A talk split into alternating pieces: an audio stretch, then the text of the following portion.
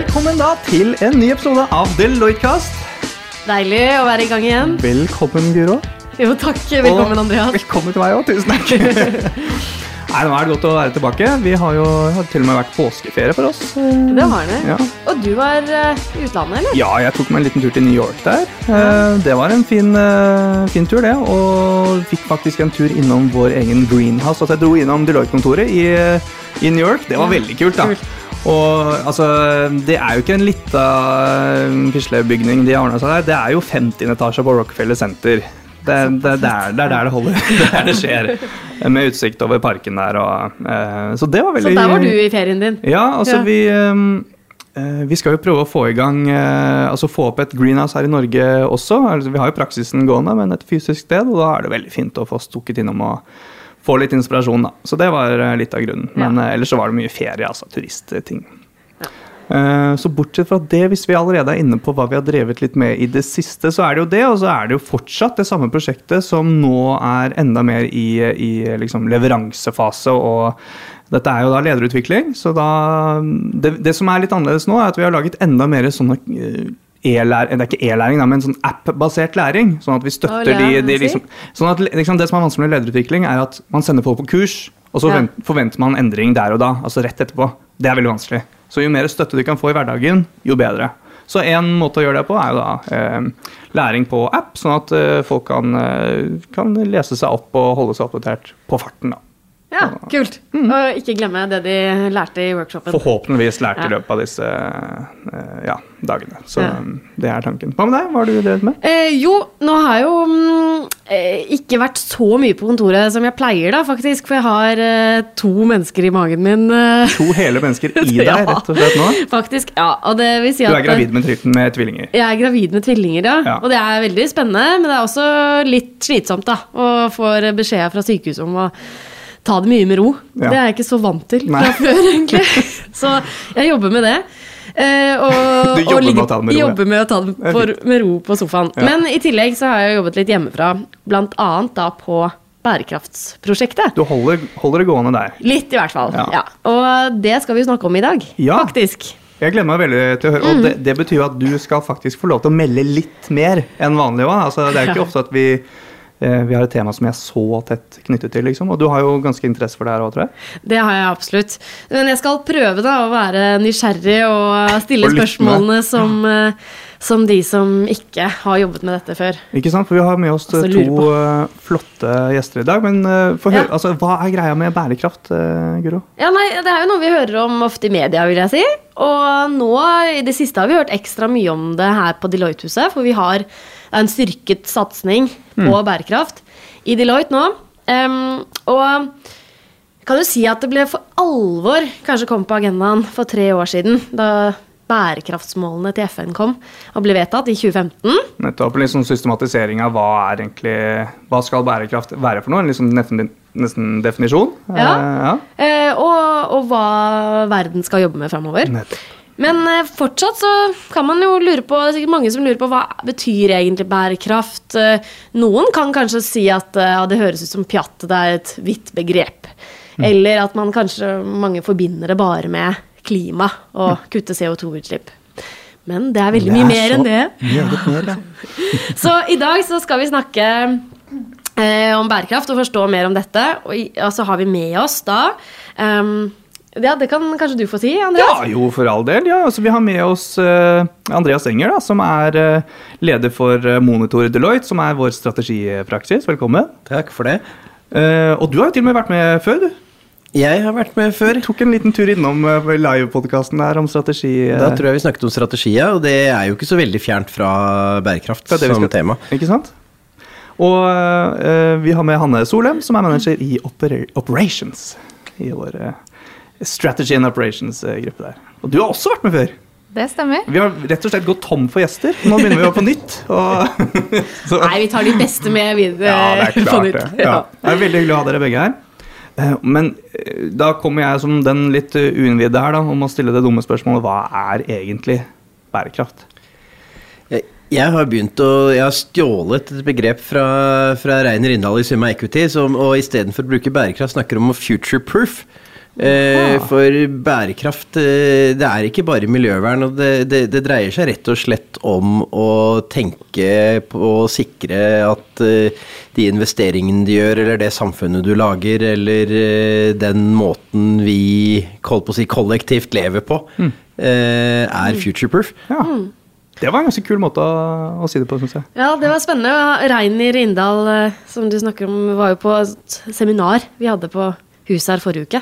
Ja. Så eh, han er investor, så han eh, hadde vel gått bort fra å snakke om impact altså til future proof, ja. Det er et godt begrep. At, så det som er interessant da, at det er ikke bare folk som er eh, ordentlig interessert i altså, miljøet av den biten her.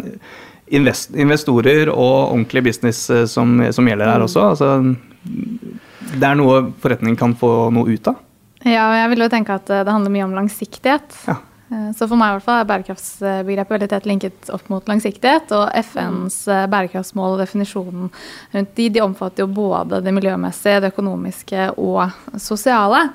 Så, så jeg vil også si at for meg i hvert fall så handler bærekraft om, om flere dimensjoner, da. Mm.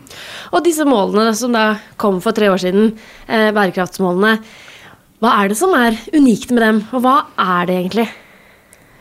Um, ja, hva, hva, de er, da, hvis vi starter med det. Det er jo da en kollektiv, en kollektive mål for bærekraftig utvikling frem mot 2030, eh, som er vedtatt av FNs eh, medlemsland da i 2015. Som jeg nevnte, så ser det miljø, økonomisk utvikling og eh, sosial utvikling da, i sammenheng. Mm. Uh, og det gjelder for alle land. Jeg vil si Det er et felles veikart Eh, og når vi kommer litt sånn over til, eh, til, hva som er unikt, da. Det er et felles veikart for en global innsats for bærekraftig utvikling. Eh, og at det er Ja, hva skal vi si? At det er noe som, som, gjelder på tvers av ikke bare mm. land, men også på tvers av offentlig sektor, privat sektor. Det gjelder for oss som privatpersoner. Så det angår oss alle. Så binder liksom sammen og gir en felles dugnad.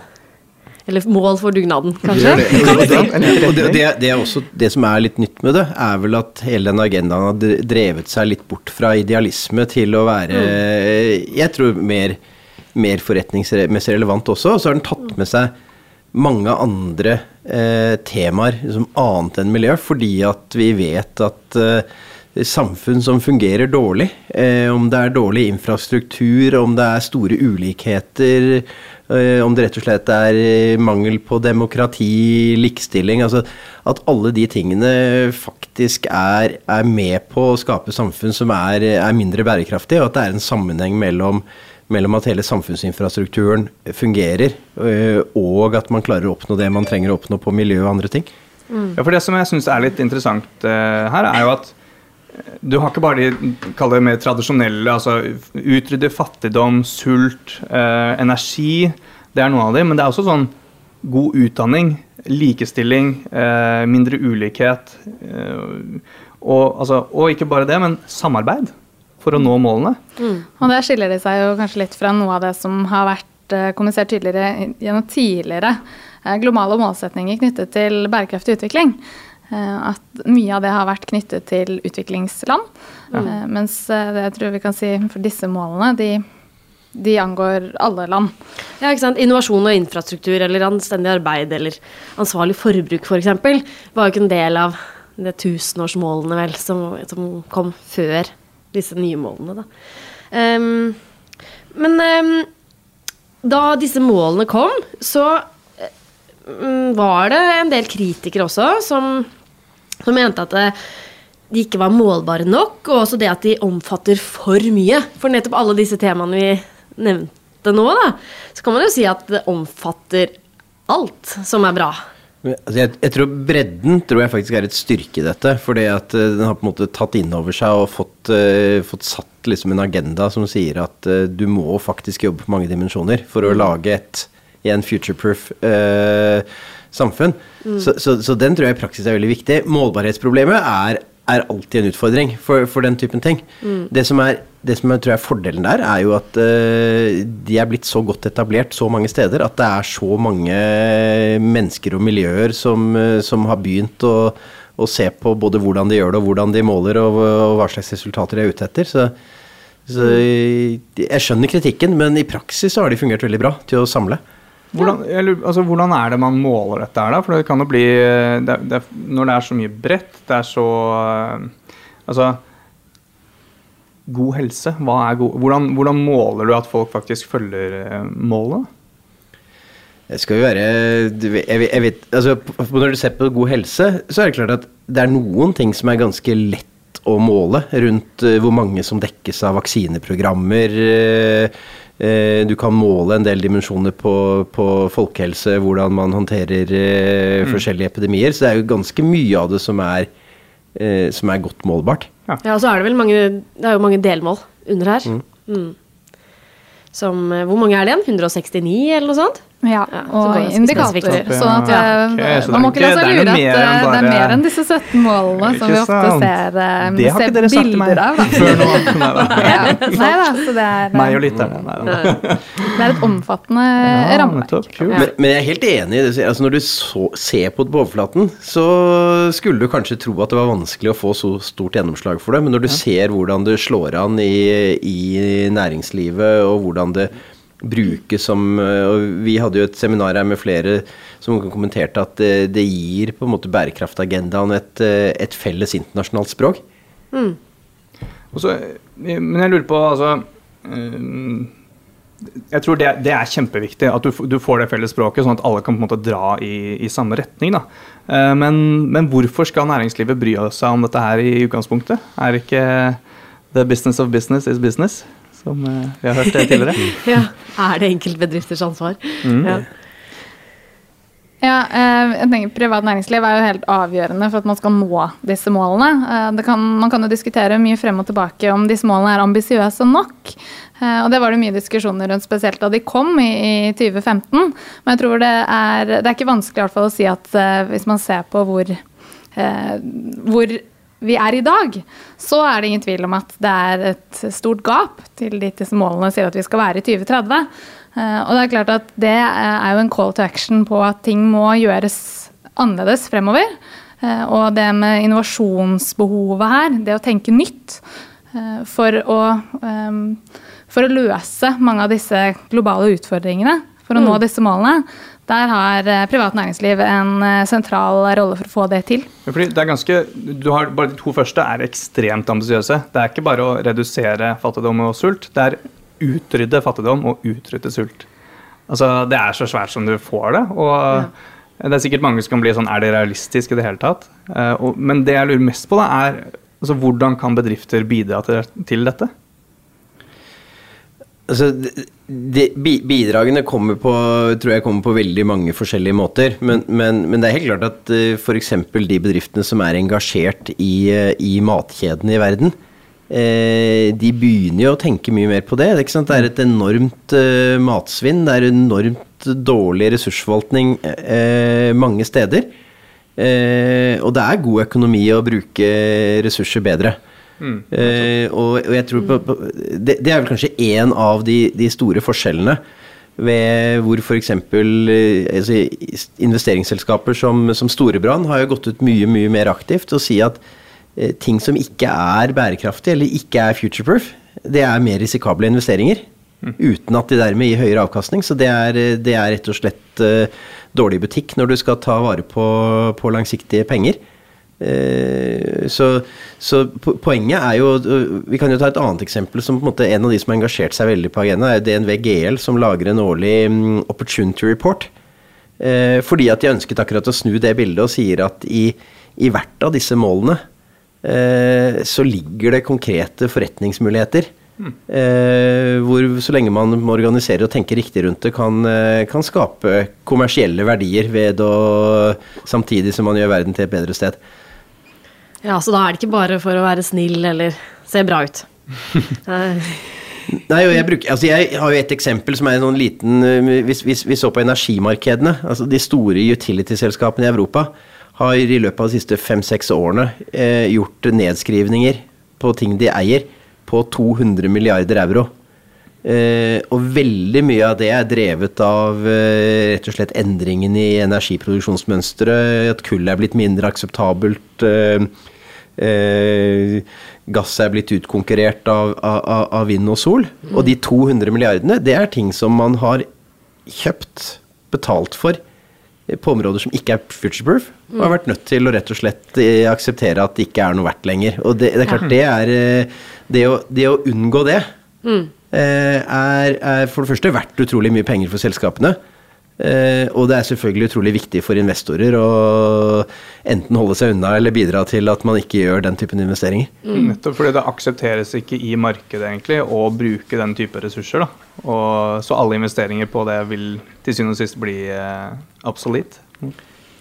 Ja, det er jo en kontinuerlig, i hvert fall en kontinuerlig utvikling, og pga. fokuset på fornybar energi, mm. så er det kommet inn i markedet ikke sant? og erstattet en del av det gamle, som, eh, som rett og slett blir skvist ut. Så, så så det er i hvert fall flere. Det er både den ene siden at eh, det er mange muligheter for å skape verdier innenfor bærekraftagendaen, men også den motstykket da, i pisken. At eh, på en del områder så kan det være ekstremt dyrt å havne på feil side av, av den utviklingen. Ja, for det, det, det, er ganske lett å finne mye forskning på det her. Altså, du, finner, eh, du finner mye gode argumenter for hvorfor man skal drive med det. fordi du ser liksom, ja Eh, det var en metaanalyse som sier at eh, eh, du får Eller 88% av alle studiene som ble undersøkt, så viste at det å drive med bærekraft det gir bedre operasjonell hva heter det, performance. Ja, Resultater? Ja. ja, ikke sant? Og, og, til og med at det korrelerer positivt med aksjepris, det å drive godt med bærekraft. Så altså, prøv å, måte, hva, hva ligger bak de resultatene der? Det lurer jeg veldig på. Eh, Når man snakker om den mulighetssiden av det, så er det i hvert fall to eh, elementer som, eh, som jeg er glad i å referere til. Hvorav det ene handler litt om den økt effektivitet knyttet til bærekrafts... en styrket bærekrafts om det er initiativer, om det er nye altså, eh, Forretningsmodeller, For eksempel, ikke sant. Eh, endringer som, som, gjør deg mer bærekraftig, samtidig som det bedrer effektiviteten og f.eks. har positive kostnadseffekter. Og så er det denne innovasjons- eller vekstagendaen som jeg også tenker på eh, er viktig. da. Mm. Det med nye produkter, nye tjenester, også endrede forretningsmodeller. Mm. Men litt sånn tosidig okay, ja. Ja, nei, og så tror jeg du får rett og slett får et effekt av at altså, Det er jo intuitivt ganske åpenbart at uh, det kan være lønnsomt og effektivt å ikke sløse med ressurser. Mm. Og det er klart at hvis det å få ned ressursløsningen får deg til å bli mer bevisst på dine operasjonelle prosesser, så er det jo ofte sånn at uh, bedre, bedre, prosesser som utnytter ressursene bedre, de blir også mer lønnsomme. Så, så jeg tror det, den jeg, jeg, tror egentlig, egentlig, hele den ideen om konflikt mellom, uh, mellom lønnsomhet og bærekraft, den, den, har fått seg en kraftig utfordring. Og jeg tror ikke det er så mange av de som har tenkt ordentlig gjennom det, som tror på det lenger. Mm. Men jeg tror at vi ser, en, uh, vi ser en endring her for at veldig mye har dreid seg om en veldig sånn risikopreget mm. uh, arbeid med bærekraft. da. Til, på hvilken måte da? Det er litt som Andreas var inne på med tanke på Eh, på investeringssiden med eh, omdømmerisiko, eh, litt sånn etisk compliance Vi må gjøre dette her så vi ikke, så det ikke ser dårlig ut. Ja, så det ikke kommer et PR-oppslag om at vi har barnearbeid eller ja, utslipp. Mm. Til en mer sånn forretningsmuligheter i å tenke bærekraft i liksom core business.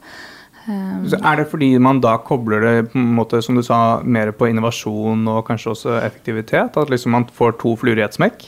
At om man da skal innovere og komme opp på nye tjenester eller ny måte å jobbe på, så ja. sørger man for at det er bærekraftig, og derfor Og denne future-proofingen som ja. Andreas eh, nevnte innledningsvis. Mm. Så du er et ganske stort mindset-skift. For du nevnte jo mm. dette med type sult, og du har en helseting i u-land, og liksom, hvordan kan det være lønnsomt? og hvis du ser på det som er det som nå det som kalles impact investing, altså på en måte investeringer for å løse samfunnsproblemer, der er det jo på en måte fra å være en skole på at her må man putte inn mest mulig subsidier, så er det jo veldig mange av de som driver med nå, som sier at eh, du vet, hvis du ikke klarer å finne en modell som er lønnsom, så er den ikke skalerbar, og da kan den ikke redde verden.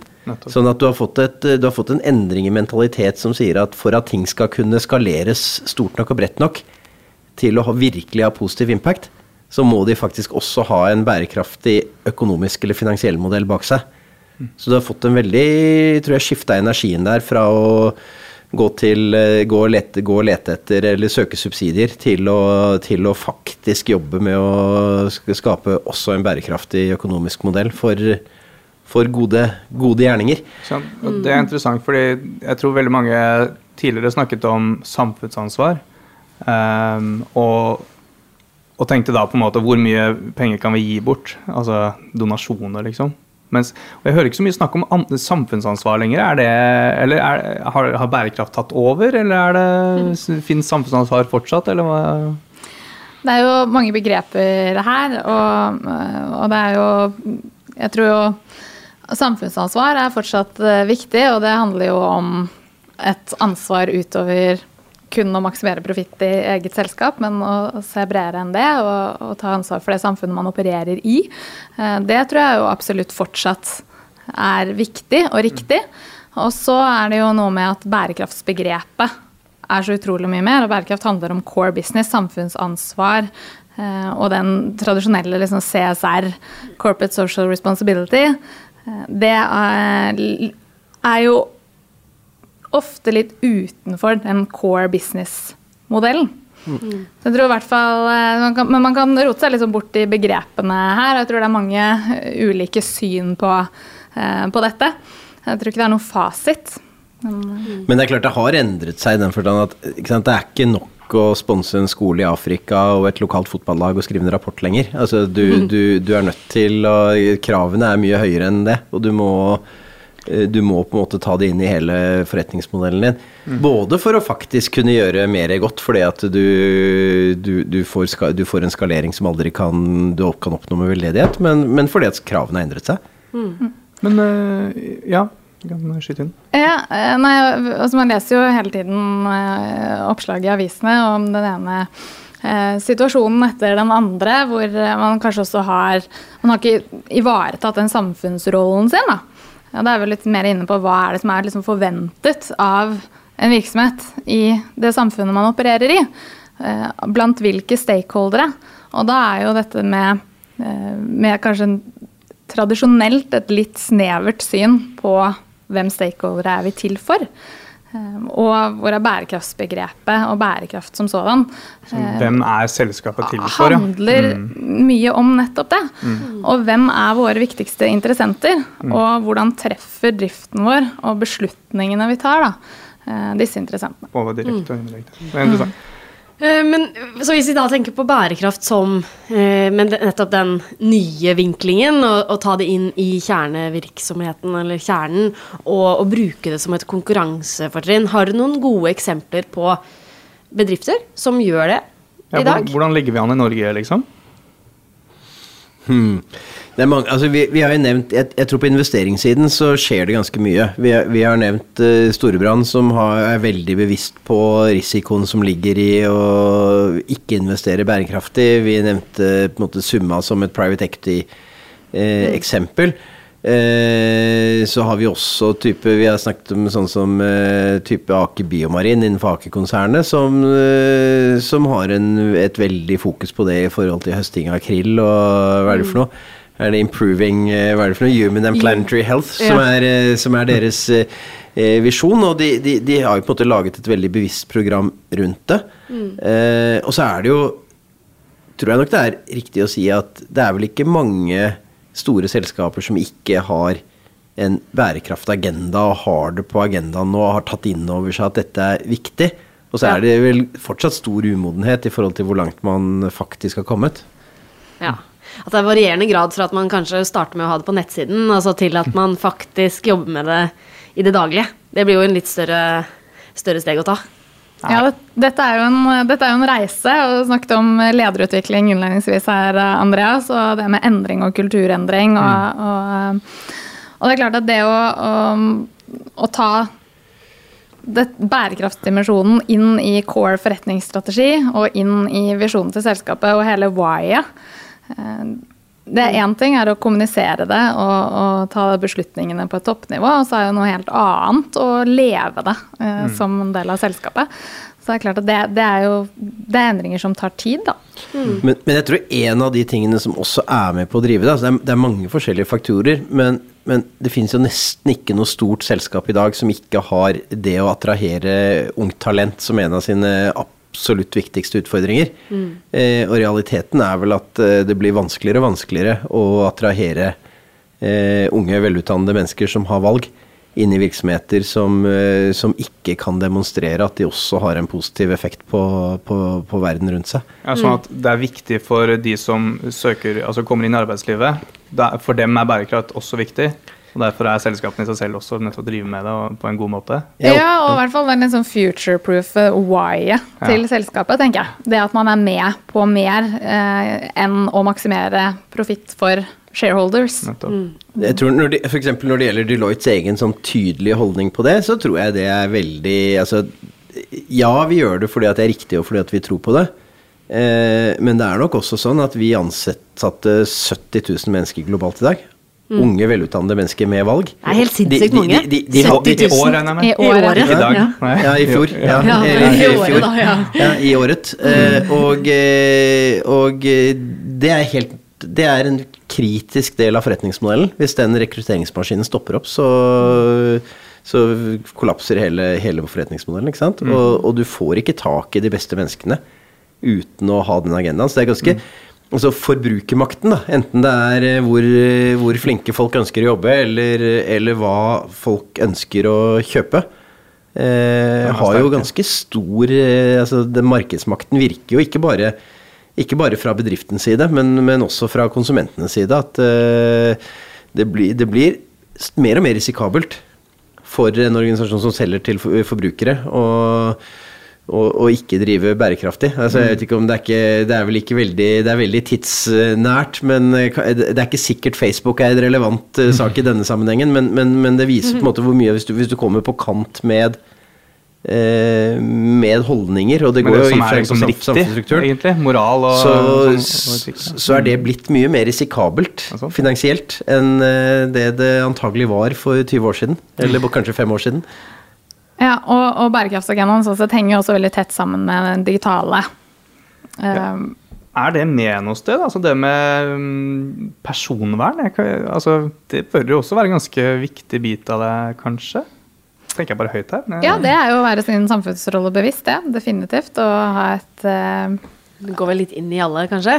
Uh, så, altså, Hva var det du tenkte på, Andreas? I ja, altså, liksom det, det, som du tok opp nå med Facebook, da, at uh, at eh, persondata kommer, kommer, på avveie fordi folk ikke vet hva de deler, og sånn, ja, pga. hvordan Facebook er laget. Mm. Altså, det er jo også uh, future-proof, og uh, det er på en måte det eneste riktige. tenker jeg. Det er ganske tett knytta til hva som er riktig. Mm. At du ikke deler folks identitet på den måten. Men det kommer jo litt indirekte inn i de som går på fungerende samfunn. altså Både ting som eh, ja. demokrati og ulikhet. Det, det, treffer mm. mange. For du kan, du, kan, snakke om det som eh, pers personvern, men, eh, men, du kan jo også snakke om det som udemokratiske prosesser. Ikke sant? Så, for vi har bærekraftige byer og samfunn, så den kunne gått litt under der. Ja. Mm.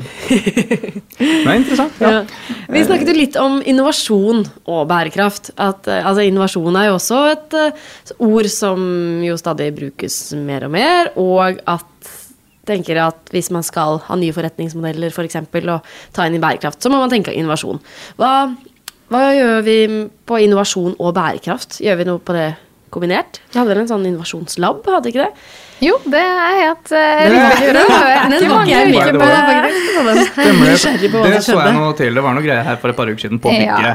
Rett før påske så arrangerte vi en innovasjonslab for bærekraft, hvor vi inviterte unge, engasjerte mennesker som brenner for bærekraft, til å komme her en dag og jobbe sammen med, med Deloitte, Orkla, Norgesgruppen og EAT Eh, for å komme opp med eh, løsninger. Jobbe rett og slett innovasjonsreise opp imot da, noen utvalgte problemstillinger eh, innenfor matsvinn, plast og emballasje og ernæring.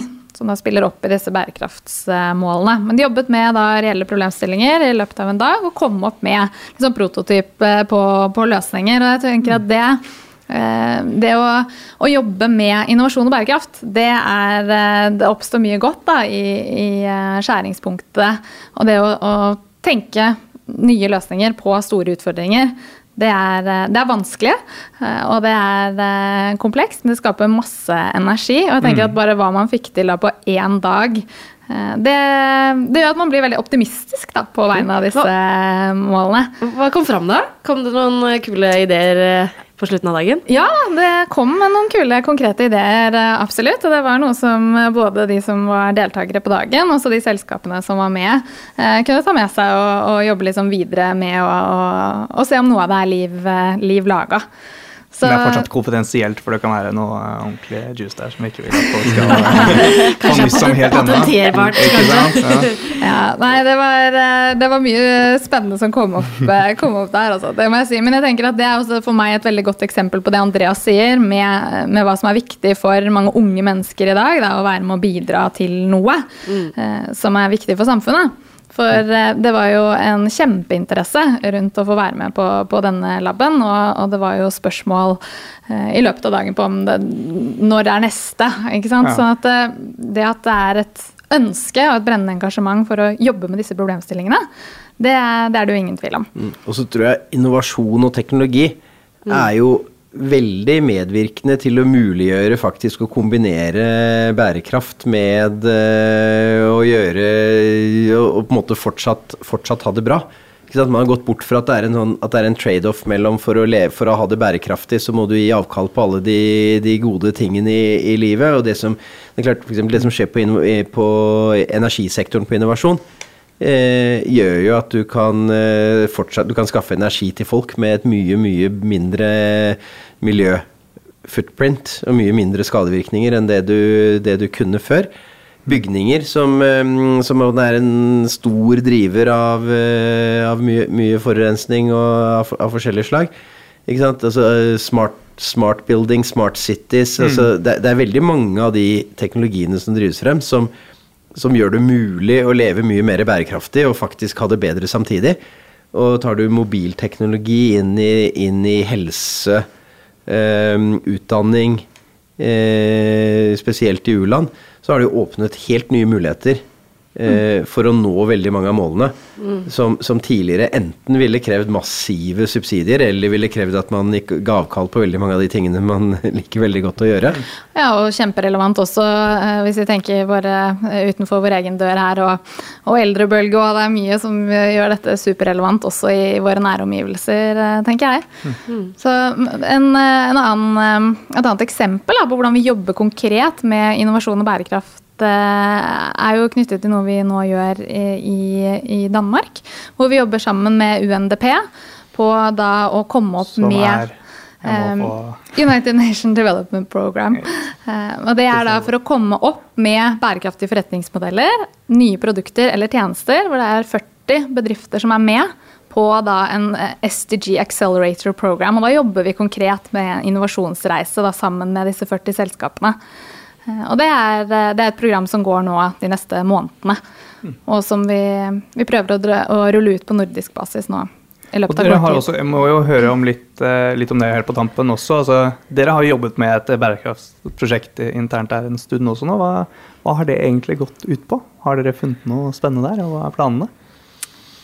Hvis dere kan dele det dere kan dele. Ja. Nei, altså, det, det, det, vi har gjort, dreier seg jo mest om å, å, faktisk bringe bærekraft og bærekraftagendaen ordentlig på agendaen uh, i Deloitte. Uh, og sånn sett så har vi hatt et program hvor vi har på en måte forsøkt å, å synliggjøre både internt og eksternt uh, hva, hva, vi gjør og hva vi mener om det området, og bygget veldig mye på på ting som uh, godt arbeid som er gjort internasjonalt. Du nevnte Danmark. Uh, det er gjort mye i UK. Eh, vi har jo en, hatt en prosess rundt Deloittes purpose globalt. Så, så det, er jo, mm. det, er mye, det, er mye, som skjer der, som er en del av si, future-proofingen av, av, Deloitte. Som, som vi prøver å ta til Norge. Ja, og mye av det har også gått på å, å si, øke innsikten i forståelse rundt og kompetansen på, på hvorfor dette er viktig for, for, Deloitte. Men ikke minst hvorfor det er viktig for kundene våre. Eh, så det er jo noe vi også jobber med internt her, denne endringsreisen som, og kulturendringen som jeg var inne på tidligere.